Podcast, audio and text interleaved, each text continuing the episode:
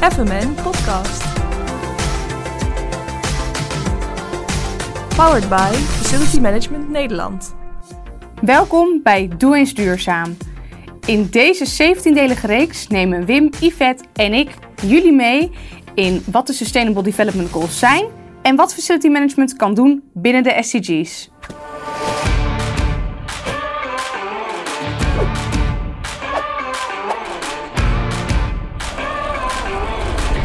Vandaag hebben wij het over SDG 10, ongelijkheid verminderen. En we spreken hier vandaag over met Martin de Jong van de Erasmus Universiteit, Diana Kokkelkoren, werkzaam bij VBGO en Anja in het veld van het Van Gogh Museum. Martin, welkom. Dankjewel. Kan jij toelichten wat deze SDG betekent? Wat houdt die in? Als je naar de algemene omschrijving kijkt, dan kom je een heleboel punten tegen. Maar eigenlijk zijn er twee in mijn uh, ogen echt van belang. De een gaat over het verminderen van met name inkomens- en welvaartsongelijkheid. De officiële stelregel is daar uh, dat de 40% armste mensen meer in inkomen moeten groeien dan de, de mensen daarboven. En een ander belangrijk punt is welke verschillen er ook zijn. Of dat dan gaat om etnische achtergrond, om godsdienst, om geslacht of om nog andere dingen, zoals geschiktheid voor, voor, uh, op de arbeidsmarkt, um, wordt geacht dat ook die uh, ongelijkheid af te nemen. Die twee dingen met name. Dus inkomen en vermogen enerzijds en verschillende aspecten uh, van de persoon anderzijds. En wat betekent deze SDG voor jou? Um, met name uh, moet ik dan denken aan uh, herinneringen natuurlijk uit mijn eigen leven. Uh, het eerste dat ik zou willen aangeven is mijn ervaringen in Zuid-Amerika. Je zou kunnen denken van als je rijk bent heb je toch nergens last van als de armen armer worden. Maar dat blijkt in de praktijk toch wat anders te zijn. Want op het moment dat te veel mensen niet een menswaardig bestaan kunnen leiden, um, dan wordt de uh, stabiliteit van de samenleving loopt dan ernstig gevaar. En daar heeft uiteindelijk iedereen last van. En daarom is SDG 10 van groot belang.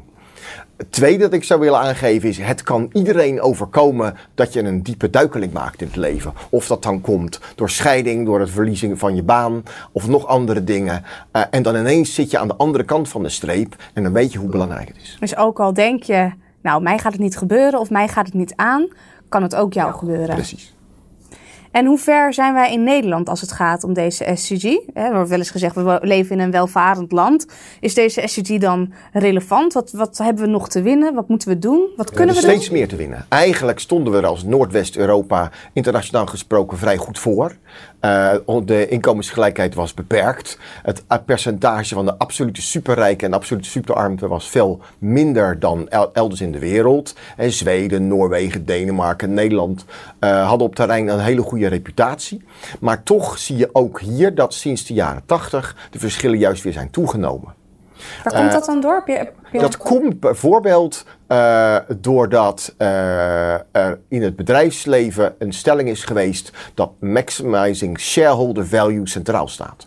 Bedrijven zijn steeds vaker, vooral als ze beursgenoteerd zijn, erop uit om aandeelhouders te behagen. En dat betekent dat er steeds minder geld vanuit de winsten terug zijn gesluist in bedrijven en in de lonen van werknemers en steeds meer naar, is gegaan naar mensen zoals de top van het management en de aandeelhouders zelf, die het toch al goed hadden. En daarom zijn die. de uh, rijken werden steeds rijker en de minder bedeelden die kregen er niks extra's bij. Inderdaad, inderdaad. Ja, dus dat is een van de belangrijkste redenen. Maar er is natuurlijk ook overheidsbeleid geweest die heel veel bedrijven minimale belasting heeft uh, toegekend. Vooral de internationale die anders dreigde weg te trekken.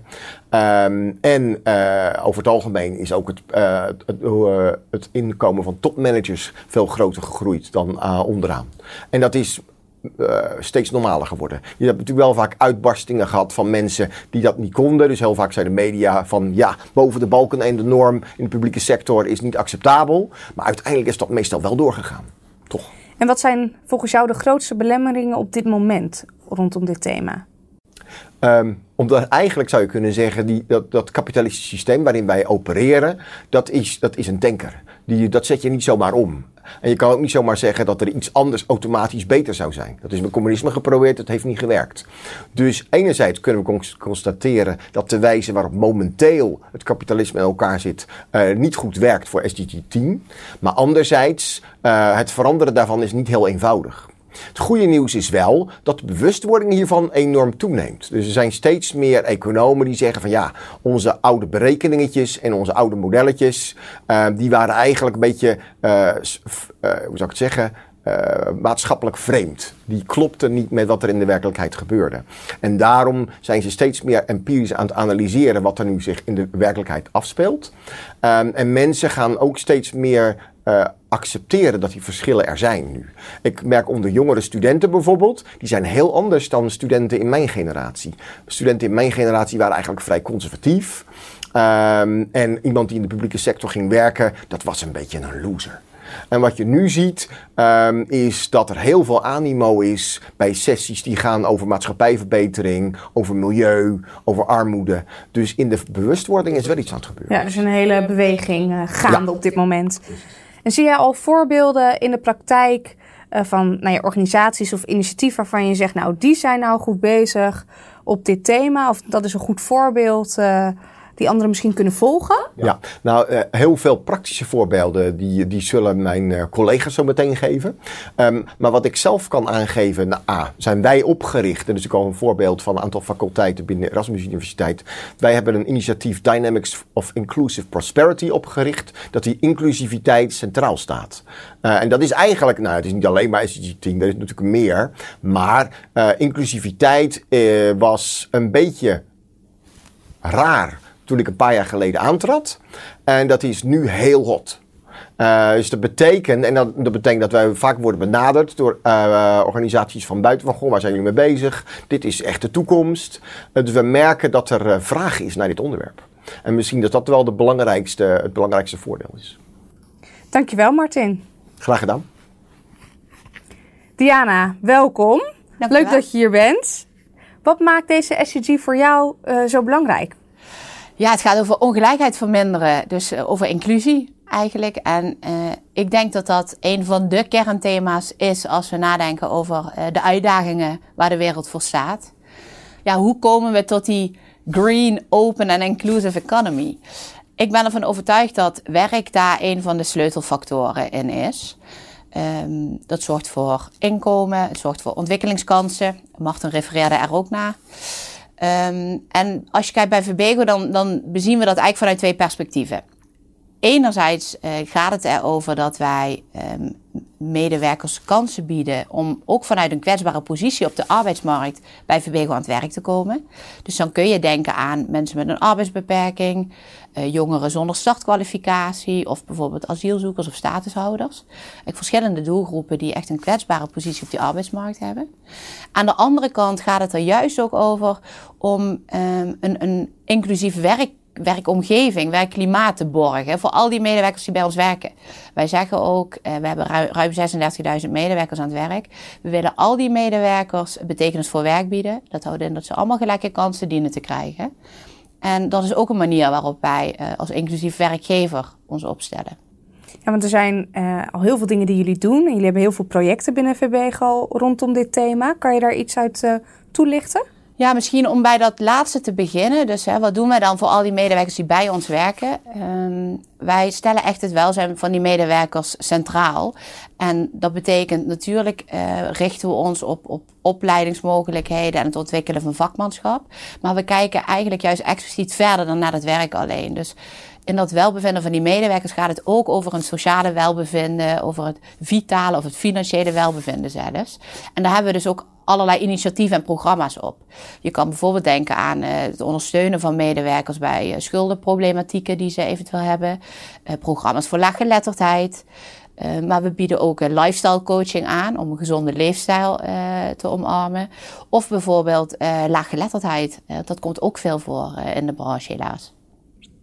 En wat zijn nou de mooiste resultaten die je tot nu toe hebt behaald? Het zijn er waarschijnlijk wel meerdere, maar als je er een paar kan uitlichten. Um, even denken. Nou, als ik er één moet kiezen, dan is dat in ieder geval ook wel um, hoe het zo is ontstaan dat wij inmiddels uh, toch een van de grootste werkgevers zijn van mensen met een afstand tot de arbeidsmarkt. Dat gaat eigenlijk al um, zo'n 15 jaar terug. Uh, dat is ontstaan uit een samenwerkingsverband dat wij destijds aangingen met een sociale werkvoorziening. En waarom noem ik nou net dit voorbeeld? Omdat we best wel een aantal obstakels toen zijn tegengekomen. Het was uh, 15 jaar geleden zo dat um, nou ja, VBECO dus voornemens was om in ieder geval uh, mede-eigenaar te worden van een, een, deel van de sociale werkvoorziening. Daar waar met name de facilitaire diensten in zaten. Dus dan denk je aan, aan schoonmaken, maar ook groenvoorziening en catering. Alleen op dat moment was er best heel veel sceptisch over dat een, een private partij uh, dan een mede-eigenaar werd in de sociale werkvoorziening. Uh, dat was zowel intern als extern. Um, extern was dat inderdaad zo dat bijvoorbeeld in de Tweede Kamer in Den Haag er zelfs vragen gesteld worden. mensen vonden het meer een publiek ja, iets om mee aan de slag te komt gaan. Komt dat nu wel dat er dus een private partij uh, eigenaar werd van zo'n publieke organisatie?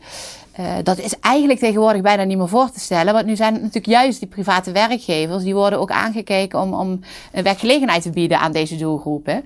Uh, maar 15 jaar geleden was dat dus nog niet zo'n vanzelfsprekendheid. En nou ja, het mooie is toch dat um, uh, ondanks die scepties, hè, dus ook intern was hij er toch wel, dat vanuit de beide kanten de directeuren zo overtuigd waren van het feit dat ondanks die ogenschijnlijke misschien wel tegenstrijdigheden en belangen, um, zo'n samenwerking echt wel één en één is drie zou, zou zijn. En ze hebben dus doorgezet. Nou ja, en uiteindelijk heeft dat geresulteerd in nog veel meer van dat soort samenwerkingen. En ook in het feit dat wij dus inmiddels ruim 4000 mensen binnen Nederland uh, aan het werk hebben met een afstand tot de arbeidsmarkt. En ja, daar ben ik hartstikke trots op. En wat zou je nou andere organisaties willen meegeven? Heb je tips of tricks als ze denken, nou wij moeten ook aan de gang met SDG 10? Wat zou je ze dan willen aanbevelen? Op de eerste plaats uh, durf buiten de gebaande paden te gaan. Uh, het voorbeeld wat ik net denk ik noemde, dat, dat is er zo één. Dus ondanks bijvoorbeeld scepties of, of niet helemaal zeker weten wat iets uh, in petto heeft voor je, durf, durf buiten die gebaande paden te gaan. Als jij de overtuiging hebt dat iets bijdraagt, in dit geval bijvoorbeeld van inclusiviteit, ehm, ga dat dan ook aan. En op de tweede plaats denk ik als het gaat over um, dat bevorderen van een inclusieve werkomgeving ook. Stel die medewerker ook echt centraal. Hè. Probeer ook echt te zien wat gaat er schuil achter die medewerker, wat zijn iemands behoeften. Eh, want vaak gaat het juist ook over um, problematieken die ook vaak best wel onzichtbaar zijn. Hè. Denk aan schuldenproblematiek of laaggeletterdheid of misschien wel discriminatie. Dat zijn dingen die je niet op het eerste gezicht meteen uh, ziet. Dus daar zul je ook um, als werkgever ja, echt oren en ogen voor moeten hebben. En dan kun je kun je, je medewerkers daar ook goed in ondersteunen. Ja, en zouden we kunnen stellen dat het facilitaire domein de uitgelezen plek is om aan de slag te gaan met deze SCG? Ja, dat kunnen we stellen, denk ik. Um, als je kijkt naar die facilitaire branche, dan, dan is er al sprake naar, naar het medewerkersbestand, dat is heel divers. Uh, maar ik denk dat, dat daar nog veel meer mogelijkheden liggen. Want het absorptievermogen uh, van deze branche is uh, heel erg groot, denk ik. En op het moment dat je ook als, als bijvoorbeeld leverancier van facilitaire diensten ook met je opdrachtgever daar nog beter over in gesprek kan gaan. Bijvoorbeeld dat je voor een opdrachtgever gewoon kan bijdragen aan het invullen van hun social return in, opgave. Um, nou, daar is echt nog een, een letterlijk een wereld te winnen, denk ik. En Diana, wat zie jij nou nog als uitdaging? Nou, dat is wat mij betreft ook echt het, het respect en de waardering die alle facilitair medewerkers vanuit die maatschappij krijgen. Ik denk dat vaak nog onderschat wordt hoe vitaal uh, de bijdrage is van de facilitair medewerkers. Dus zij staan echt midden in de maatschappij, hebben een hele vitale rol, hè, vaak in de, in de veiligheid van, van werk- en leefomgevingen van mensen. Um, en dat wordt vaak onderschat. En ik denk dat wij daar, zeker ook als, als werkgevers, echt nog een lans kunnen breken. Um, voor het feit dat onze medewerkers um, vanuit die maatschappij nog meer respect krijgen voor het werk wat zij doen. Ja, en wat zou jij onze kijkers willen meegeven als, als laatste punt? Wat zou je, nou, hier moeten jullie morgen nog mee starten? Of knoop dit in je oren? Of wat zou je ze nog willen zeggen? Nou, dat zou zijn, uh, ben je bewust van het belang van partnerschappen en ga daar ook proactief naar op zoek. Eén uh, en één is echt heel vaak drie. En ook als het gaat over het bevorderen van, van inclusie, dan zijn het juist vaak ook partnerships. Dat kan binnen de branche zijn, maar vooral ook met opdrachtgevers.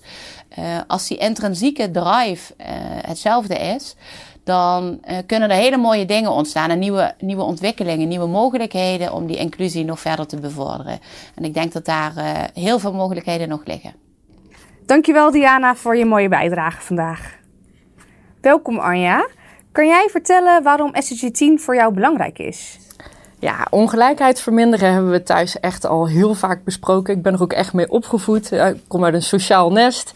Uh, iedereen die moet dezelfde kansen krijgen. En nu weten we dat het in Nederland eigenlijk al best wel goed gaat in vergelijking met de rest van de wereld. Maar zelfs ook in Nederland zijn er uh, veel gezinnen die de eindjes aan elkaar vast moeten knopen. En ik heb wel het idee dat we daar met z'n allen iets aan kunnen doen en het uh, iets beter kunnen maken. Ja, want jij werkt voor het Van Gogh Museum en jullie zijn daar heel erg bezig met de SDG's, waaronder SDG 10. Kan je daar wat over vertellen?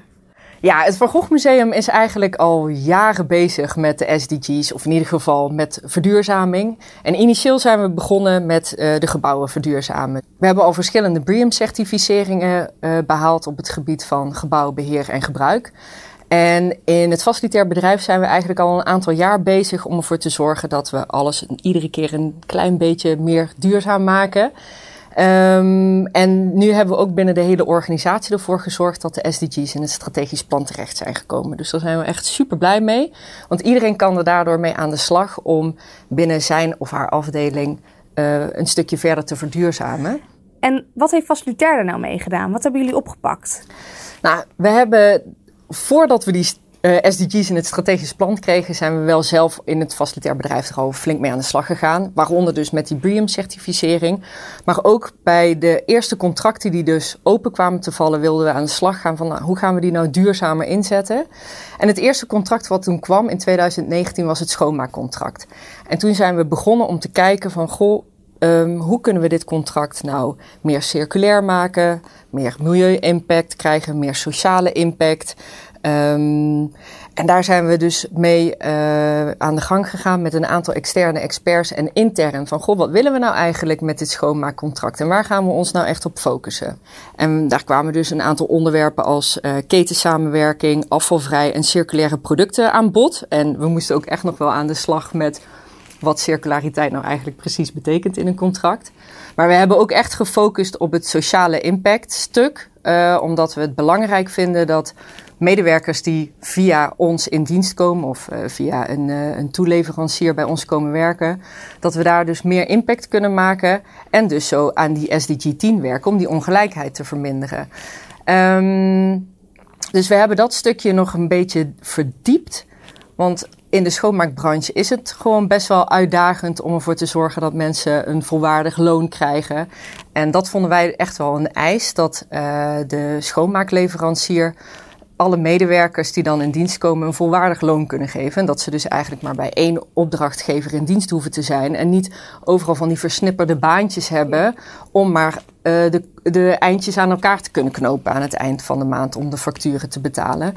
Dus dat um, dus dat, dat sociale gedeelte, dat hebben we wel verder verdiept om daar nog meer um, ja, kracht bij te kunnen zetten. Door uh, middel van een best value procurement methode zijn we mm, aan de slag gegaan met een aantal projectdoelstellingen om ervoor te zorgen dat we de opdrachtgever uit kunnen dagen en ervoor zorgen dat we dus een duurzamer contract aan kunnen gaan. Nou, we hebben een aantal projectdoelstellingen kort en bondig geformuleerd, zodat we de potentiële leveranciers helder konden uitleggen uh, dat we niet zomaar een standaard schoonmaakcontract wilden hebben. Uh, de projectdoelstellingen zijn een uniform kwaliteitsniveau. Uh, we wilden een uh, de, onze maatschappelijke en duurzame visie meer doorvoeren in het schoonmaakcontract. Dus we willen meer duurzaamheid, circulariteit en social return in dat schoonmaakcontract. Uh, gastvrijheid is uh, natuurlijk een ontzettend belangrijk onderdeel. En we wilden ook de schoonmaakleverancier verantwoordelijk maken voor het resultaat. En door middel van de best value procurement methode zijn we daardoor uiteindelijk ja, bij de organisatie terechtgekomen die het meeste van deze doelstellingen kon bereiken. En uh, nou, Breedweer heeft hier dus het beste op gescoord. Als nou een van de kijkers denkt, dat wil ik ook. Ik wil ook zulke projectdoelstellingen opstellen en ik wil ook uh, een leverancier die daar volledig aan voldoet. Wat zou je dan kunnen meegeven? Wat zijn de lessen die je hebt geleerd of het proces waar je doorheen bent gegaan? Ja, dat is wel een leuke vraag. Um, we hebben toen um, alle, allerlei leveranciers, allerlei schoonmaakleveranciers uitgenodigd in het Van Gogh Museum. En we hebben toen een presentatie gegeven over wat wij nou eigenlijk willen met dat nieuwe contract. Ehm, en zo heeft uh, marketing iets verteld over de bezoekersbeleving. En zo heeft bezoekersservices iets verteld over uh, wat er nou nodig is binnen uh, het, het hele stukje van binnenkomst naar de wc's. En alle elementen die een bezoeker dus meekrijgt. hoe je daar dus het beste op kunt scoren en wat wij dan verwachten van een schoonmaakleverancier. En vervolgens mocht ik dus ook iets vertellen over het stukje duurzaamheid. En dat we eigenlijk een stukje verder willen. En dat het onderwerp circulariteit heel erg belangrijk is. Maar ook dat we uh, graag willen samenwerken. Dus we zijn op zoek naar een, een ketensamenwerking. En um, we hebben toen ook het stukje sociale impact um, besproken. En ja, ook die schoonmaakleverancier uitgedaagd, met z'n allen dus bij elkaar. En dat was wel echt super tof. Om uh, met ons mee te denken van, goh, hoe kunnen wij er nou voor zorgen dat de medewerkers die dan in dienst komen, een zo goed mogelijke baan kunnen krijgen. En um, wij uh, vroegen dus aan de leveranciers om daar met een goed antwoord te komen. Dus eigenlijk zeg je, wij hebben een idee, we hebben een visie, we willen ergens naartoe. In plaats van dat we zelf gaan bedenken hoe dat moet, heb je de andere partij het uitgelegd waarom en wat. En gevraagd, nou komen jullie maar met hoe gaan we dat nou doen? Ja, dus in al die uh, uh, antwoorden die we gekregen hebben, heeft uiteindelijk Breedweer daar dus het beste op gescoord. Uh, omdat zij heel goed konden laten zien, als we deze SDG's pakken, dan zorgen we ervoor dat we aan al die eisen die jullie nu stellen kunnen voldoen. En welke handvatten zou jij onze kijkers nog willen meegeven als ze denken, nou, ik moet hier morgen of volgende week of volgend jaar mee aan de slag? Nou ja, sowieso er morgen al mee aan de slag gaan. Dat is de eerste tip natuurlijk. Maar um, ik denk dat het goed is dat als je met je facilitair bedrijf of binnen heel bedrijfsvoering um, een aantal stappen wilt gaan zetten in verder verduurzamen, maar ook om meer uh, mensen tot, meer tot arbeid te kunnen krijgen. Um, is het goed om met al je leveranciers en je dienstverleners en je uh, toeleveranciers ja, gewoon maar te gaan praten. Bel ze morgen op en ga met elkaar in overleg om te kijken wat je um, kunt bereiken. En ik zou ook, als je binnen je facilitair bedrijf nog niet je doelen geformuleerd hebt, om een aantal doelen wel alvast op te schrijven. Wij hebben nu het geluk dat we dat dus in het strategisch plan hebben gekregen, wat binnen heel Van Gogh uh, uh, gaat gelden. En dat iedereen dat gaat doorvertalen naar zijn eigen KPI's. Maar um, pak gewoon één of twee doelen, hou het klein en maak daar gewoon kleine stapjes in. En bel gewoon morgen je eerste leverancier op. Dankjewel voor je bijdrage van vandaag. Martin, we hebben net naar de verhalen van Diana en Anja geluisterd. Wat zijn nou de dingen die jij uh, daaruit oppikt, die jij nog graag even wilt benadrukken? Nou, wat mij vooral opvalt in de, in verhalen is dat het gaat om de menselijke maat. En de menselijke maat is, je, je hebt uiteindelijk met uh, mensen van doen die soms aan de kant zitten waar de uh, klappen vallen. Uh, en daar moet je je niet alleen een rekenschap van geven, maar ook op handelen. en in het facilitair management en de facilitaire dienstverlening zou je dat eigenlijk kunnen noemen de dienstverlenende klasse. Vroeger, laten we zeggen één of twee eeuwen geleden, had je de arbeidende klasse. Die werd uitgebuit. Uh, en toen uh, heeft de sociaaldemocratie ervoor gezorgd dat die mensen een beter beschermde positie zouden krijgen. In zekere zin zou je kunnen zeggen, nu hebben we hetzelfde. Alleen nu gaat het niet meer om de mensen die in de fabrieken zitten, maar nu gaan de mensen die, die dienstverlening leveren um, in, in hotels, bij de schoonmaak, enzovoort, enzovoort. Um, en voor hen worden vaak de werkschema's gemaakt. En die werkschema's die worden gemaakt door mensen die aan de juiste kant van de, van de, van de streep zitten.